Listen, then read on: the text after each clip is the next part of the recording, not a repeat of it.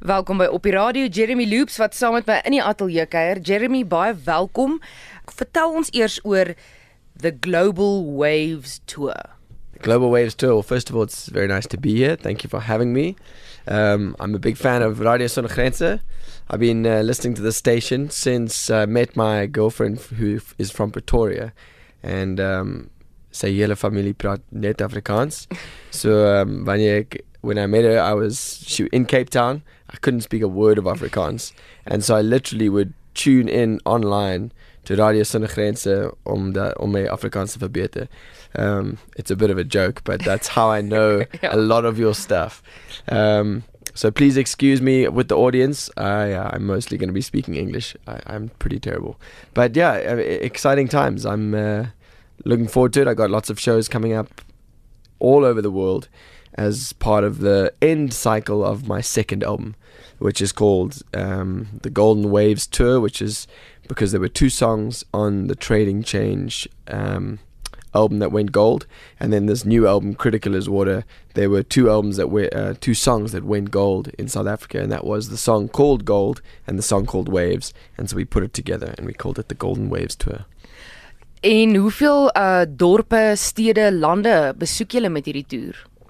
Sure, it's going everywhere. Um we are I mean, we're going to be we did a, a South African tour hitting all the major South African cities and now we're going to be heading into Europe. We're playing in Switzerland, we're playing in Germany, and it all leads up into our big shows coming in November, which are some of the biggest shows we've ever played uh, in London at a venue called the Brixton Academy, which is an infamous venue. If you've ever been to London, it's kind of this 6,000 seater room, and you don't get to play the Brixton Academy unless you are ready to play it. It's kind of one of those uh, those real benchmark mm. shows, and because we've been on kind of an upward trajectory in London, we've eventually managed to book it, and so yeah, we're very excited about that. And um, and from there we move into a German tour. We go through where is it? Hamburg, Stuttgart, Munich, and um, Cologne.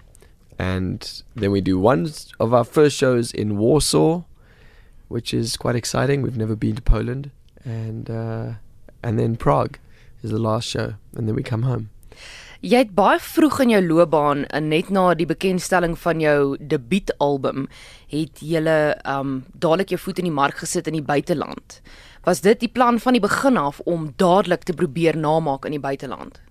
Yes, absolutely. I think having a career in South Africa has been a beautiful thing, but it's a very difficult place to sustain a career. And in the music industry, I think if you want to have longevity, and I, I really do plan on being a musician my whole life, if I can be, I'd love to be making music into my old age. And so you really need to be able to travel around and, and do it all over the world. And it's difficult. It took us years to finally get recognized overseas. They don't really especially in some countries like America, they don't they don't know who South Africans are. You know, as far as they're concerned, you, you are just someone from the African continent. Um, so it's been very difficult to kind of make a name for ourselves, but that's kind of been happening very well over the last few years, and so yeah, here we are. We're starting to do some really big shows. Exciting. Your first album uh, was released uh, in the early 2000, um, like 2013, 2014. That's right. Yeah. Yes, and you waited quite a few years before the release of your second albums. You're not you're not pumping them out no. like making it like a soos 'n worsmasjien. Jy weet dit no, lyk net soos 'n worsmasjien. Not a wors machine. die rede hoekom jy so lank gewag het, uh want want, want jou you, you guys have still been touring a mm, lot mm, mm. since the release of the first album. Yeah, it's a mixture of things. I think the one important aspect for me was you spend your whole life uh, gathering the songs and the inspiration to write your first album. Um, that's and that's why so many first albums are really great because the artist has a lifetime to come up with that material and it's the first thing that they put down. So you you know on my first album I had many many songs and then you cut it down.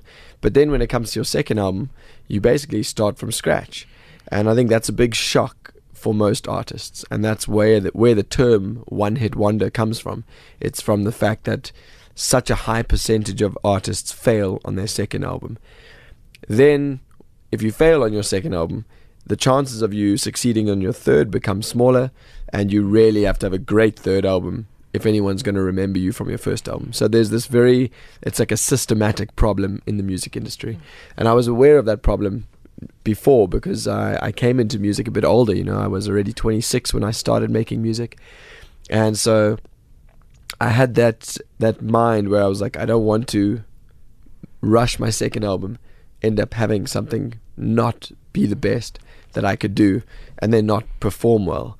And so I just waited and I wrote songs. I wrote so many songs for my second album, and then finally chose the ones that went on, and it worked out really well because they were very well received. The second album has done huge things for us around the world. And from here, the pressure gets a little bit lighter because now you have almost like a body of work mm. that you can rely on and you keep going. En die Suid-Afrikaanse mark ook het goed gereageer en ook die kenners van musiek. Jy het ook 'n uh, twee SAMA nominasies gehad, but you also won a SAMA mm. this year for music video for gold. That's right. Tell us about the music video. It was so cool making that music video. Um, its song is a the the song Gold is on the face of it, it sounds almost like a love song, but it's really a song about searching through life for the things that really matter to you. And sometimes that search is a difficult, long, I think that's the journey of life, really. Everyone's looking for for meaning and for purpose. And when you find that thing that's really gold in your life, you know, it's generally not financial gold, you know, it's a it's a relationship or it's love or it's a purpose or some work that you really love doing. It's um it's that deep stuff, you know, and when you find it you have to really treasure it and hold on to it. And so that's what that song is about. And so we knew it needed to have a very special music video and I worked with a a very cool director and he came up with this concept to have a guy on the beach with a metal detector searching for gold or searching for something. And the whole music video, you see this guy every day getting out of bed, getting his metal detector. His wife uh, makes him a cup of coffee and a sandwich and packs his bag with him. And he heads off in the dark and he goes every day to the same long beach and he looks. And you don't know what he's looking for. And he finds all sorts of funny things along the way. And at the very end, there's this very beautiful reveal where it kind of all makes sense. So I think um, yeah, I was happy that it won the best music video because the concept for it was really well thought out, and we spent a long time shooting it. Die konsep van die musiekvideo is ook na aan uh, aan jou storie. Ek meen jy het uh jy was in finansies gewees of althans that's what you you studied for and then you went abroad and that's where you you discovered music and your love mm. for music. So that's where you discovered your gold. Tell us quickly how did that happen? Seeing that you you went into a complete different direction after school, you went to go study finance development and then music came along at the age of 26. Yeah, it was a bumpy road. I had um, a very I don't know if that's normal. I think it probably is actually quite normal that like um, finding what you really want to do with your life has to be a journey. You know, otherwise, when you get there, it wouldn't feel like you'd arrived. So I was working all sorts of strange bar jobs and waitering, and then I went sailing around the world, and I did a whole bunch of trips across the Atlantic Ocean. I did a my first trip was from Cape Town to the Caribbean when I was 18, when I just finished high school.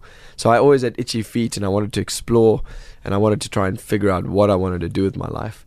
And so when I came back and studied a degree at university, um, I studied a property development and finance degree at UCT. It was so, so difficult. Like, it was so much more difficult than I had expected. And also, I didn't enjoy it. Like, it was, um, I was doing subjects like accounting and financial maths and statistics. And it was really those, that four years where I was very stubborn. I got the degree and I, I studied really hard but really, what I did is I sp- spent most of my time in my room learning how to play guitar, and that was when YouTube had just launched. So I was googling and watching YouTube videos and learning all my favorite songs, and um, yeah, I just fell in love with it. You know, I fell in love with music so much during those four years that by the time I finished, I had no option but to just say to my folks, "Look, thanks for, thanks for all your support with everything I've tried to do in my life." But I'm I'm going to make a 180 now, and I'm going to try and be a musician. And they were very supportive, and they were like, "Cool, we've you know clearly been watching you." Just practice non-stop music the whole time, so they knew it was coming, and it was terrifying. And um, but yeah, the rest is history. It's uh, it's. I think when when you start doing something that you really believe in, it becomes very obvious for other people Mm. that uh, that this is something real. You know, I think you have to be your first biggest supporter, and I just loved what I was doing so much. And then when I found it, I was like, I'm not going to let go of this. Mm. If I could make music for a living, and the first few years were really tough, but you have to almost rediscover your rediscover that love for what you do. You know, mm. and keep changing and keep extending your goals further. And so that's what I did, and yeah, it's been a beautiful, beautiful ride. Dit is amper marteling om daai daai soeke na jou jou doel in die lewe en wat jy graag wil doen en Mhm. dis iets waar jy baie praat in jou musiek, maar ook die tipe werk wat jy doen buite jou musiek. Mm. So, vertel my van die van die skrywe daarvan want jy kry ook dan natuurlik 'n inspirasie van ander mense se moeilike tye. Jy het ook spesifiek iets in die winter geskryf oor mense wat um, wat sukkel, wat buite slaap, wat nie so bevoordeel is nie. Mm. Yeah, I think the I've always been very affected by the way the world is so unfair and so tough. You know, life is really full of suffering for all of us, and it's it's very relative. We all have our own suffering that we have to get around, but at the same time, it's also totally not relative. It's like uh, it's totally unequal, and a lot of people suffer a lot more than others, and so yeah, I've always been interested in that. I've always been very interested in people, and even in the messages in my songs, I'm very interested in um, like youth and younger people because I was one of those. You know, I got expelled from high school. I was just a really naughty, confused young kid, and I was very bad at my schoolwork. You know, the fact that I managed to pull my marks together in my tr- my matric year just so that I could have enough marks to get into university. My parents thought that was a miracle. Like they had no idea I was going to do that. As far as they were concerned, I was just on a one-way ticket to, you know, prison or something. I was just not a I was one of those typically difficult kids. And so I have a lot of empathy I think for when I see youngsters who are lost, angry, don't know what they want to do with their lives, frustrated, because that's how I spent most of my childhood. You know, I was um, always looking for something. And South Africa doesn't make it easy. You know, we've got a tough climate, tough economy, and everyone in this country has to fight for what they get. And um, and you don't see that in Europe. You know, one of the things that always surprises me when I hang out with other artists from overseas, they've got a much more relaxed idea around what they do. They're just like, yeah, I'm a musician. You know, and sometimes you meet some of the friends that are with the musicians. And I met this girl, and she said, "No, I'm, I'm just, uh, I work at a hotel reception," and that's, we kind of got into a conversation, and they were all, they were all so happy, and but they, none of them were doing anything, in particular, and I think like in South Africa, we don't have that feeling. Like young people feel, if I don't make it, like really try and make it, then I'm screwed. like there's no middle ground. The the the country doesn't support just uh, you know a multitude of types of jobs, and I think that pressure is very difficult for not just kids but young adults and then adults as well to deal with, and it puts like something else in our South African mindset. You know where I think everyone's a little bit mentally poverty poverty stricken. So um, I'm always interested in that, and I write about that, and I, I try and inspire people to keep searching and, and keep the fight alive. And I think that's kind of what you have to do in a developing country. Everyone has to really pay attention to each other, help out where you can, and just do your best. Baie mense praat van jy het 'n Instagram lewe en jou regte lewe, maar jou Instagram lewe en jou regte lewe, dis werklik hoe dit is. En ons luisteraars moet gerus gaan kyk na die Instagram foto's. You also very active on Facebook, especially speaking about your shows and you also ask feedback from your from your um, Mm. supporters. Yeah, absolutely. It's uh, it's such an easy and obvious place to to get opinions in. You know, they're all there, and they they care about the music. So So, quickly tell us about your your European tour uh, dates specifically for our South African expats living in um, abroad. Or if you don't know the dates, maybe just your Facebook handle and your Instagram handle where they can search. The best place to look at all the dates that we have coming up to see if you are around any of the shows is on my website, which is just www.jeremyloops.com. And there we have not just the dates, but we also you can actually purchase the tickets on in the website. Um, but I can tell you that the big shows in November are on the. S- oh, I can't tell you. No, I can't tell you without with any certainty. So don't uh, don't listen to me. Just go to my website if you are an expat and you want to come to our shows in Germany or the UK in November. It's all there on our website.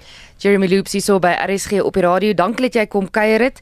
Uh voorspoed met die toer en ja, hou die Suid-Afrikaanse vlag hoog in die buiteland. Thank you. Thank you so much for having me.